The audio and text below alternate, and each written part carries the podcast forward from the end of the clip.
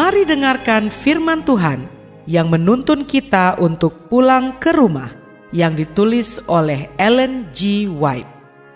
Melalui renungan pagi ini, kita akan belajar untuk berani menghadapi masa depan karena kita tidak lupa pimpinan Tuhan di masa yang lalu. Bersama Pendeta Andre Daimbani, selamat mendengarkan. Shalom, selamat pagi saudaraku. Renungan pagi kita hari ini 6 Maret berjudul Tidak ada maaf untuk berbuat dosa. Ayat intinya diambil dari Yohanes 8 ayat 11. Demikian firman Tuhan. Aku pun tidak menghukum engkau.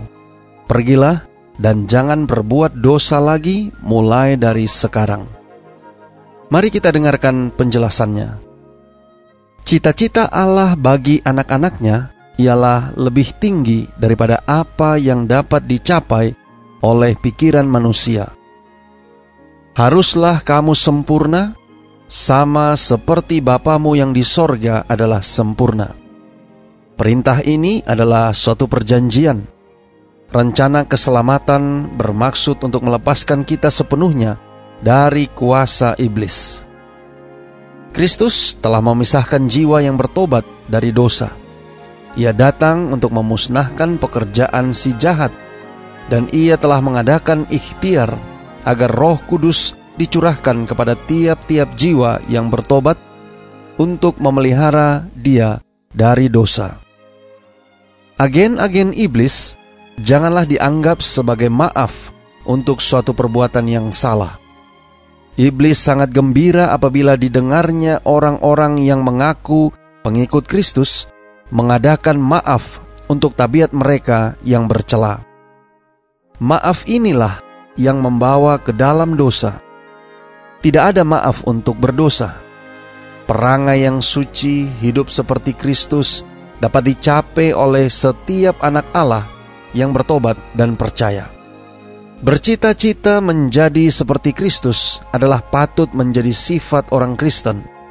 Sebagaimana anak manusia sempurna di dalam hidupnya, demikian pula pengikut-pengikutnya sempurna di dalam hidup mereka.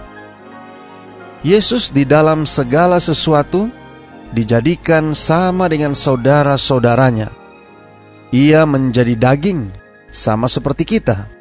Ia lapar, haus, dan letih ia ditopang oleh makanan dan tidur yang segar. Ia turut merasai perasaan manusia. Walaupun demikian, dia adalah anak Allah yang tiada bercacat celak. Ia adalah Allah di dalam daging. Tabiatnya harus menjadi milik kita.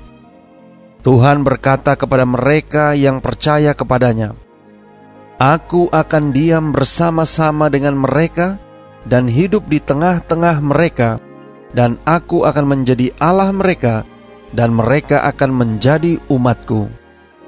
Dicatat dalam 2 Korintus 6 ayat 16. Saudara-saudara yang kekasih di dalam Tuhan, Kristus adalah anak tangga yang dilihat oleh Yakub. Alasnya di bumi ini dan ujungnya sampai ke pintu sorga, di ambang pintu kemuliaan. Jikalau tangga itu telah gagal oleh satu langkah mencapai bumi ini, sudah pasti kita hilang. Tetapi Kristus telah mendapatkan kita di mana kita berada. Ia telah mengambil sifat kita dan telah menang, agar kita oleh mengambil sifatnya dapat menang. Terbuat serupa dengan daging yang dikuasai dosa karena dosa. Dicatat dalam Roma 8 ayat 3, ia hidup tanpa dosa. Sekarang, oleh keilahiannya, ia berpegang pada tahta surga, sedangkan dengan kemanusiaannya, ia datang kepada kita. Ia mengundang kita melalui iman di dalam dia untuk memperoleh kemuliaan sifat Allah.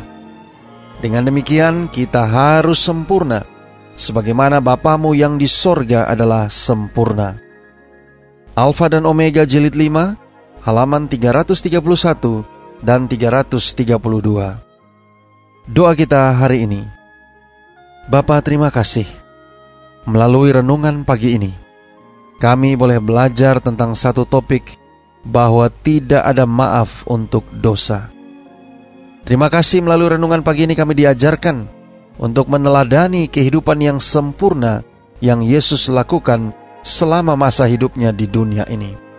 Tolong kami hari ini Bapa, biarlah dengan pertolongan kuasa roh kudusmu, jembatan atau tangga yang telah menghubungkan sorga dengan bumi yang dilihat oleh Yakub, di mana Yesus Kristus sendiri adalah merupakan tangga penghubung tersebut, akan boleh dapat memotivasi menolong kami, sehingga kami boleh hidup sempurna dengan pertolongan dan kuat kuasa sorga.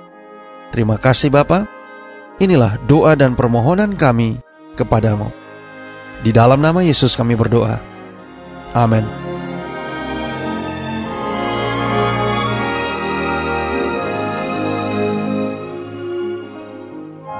Demikianlah tadi pembahasan tentang pulang ke rumah.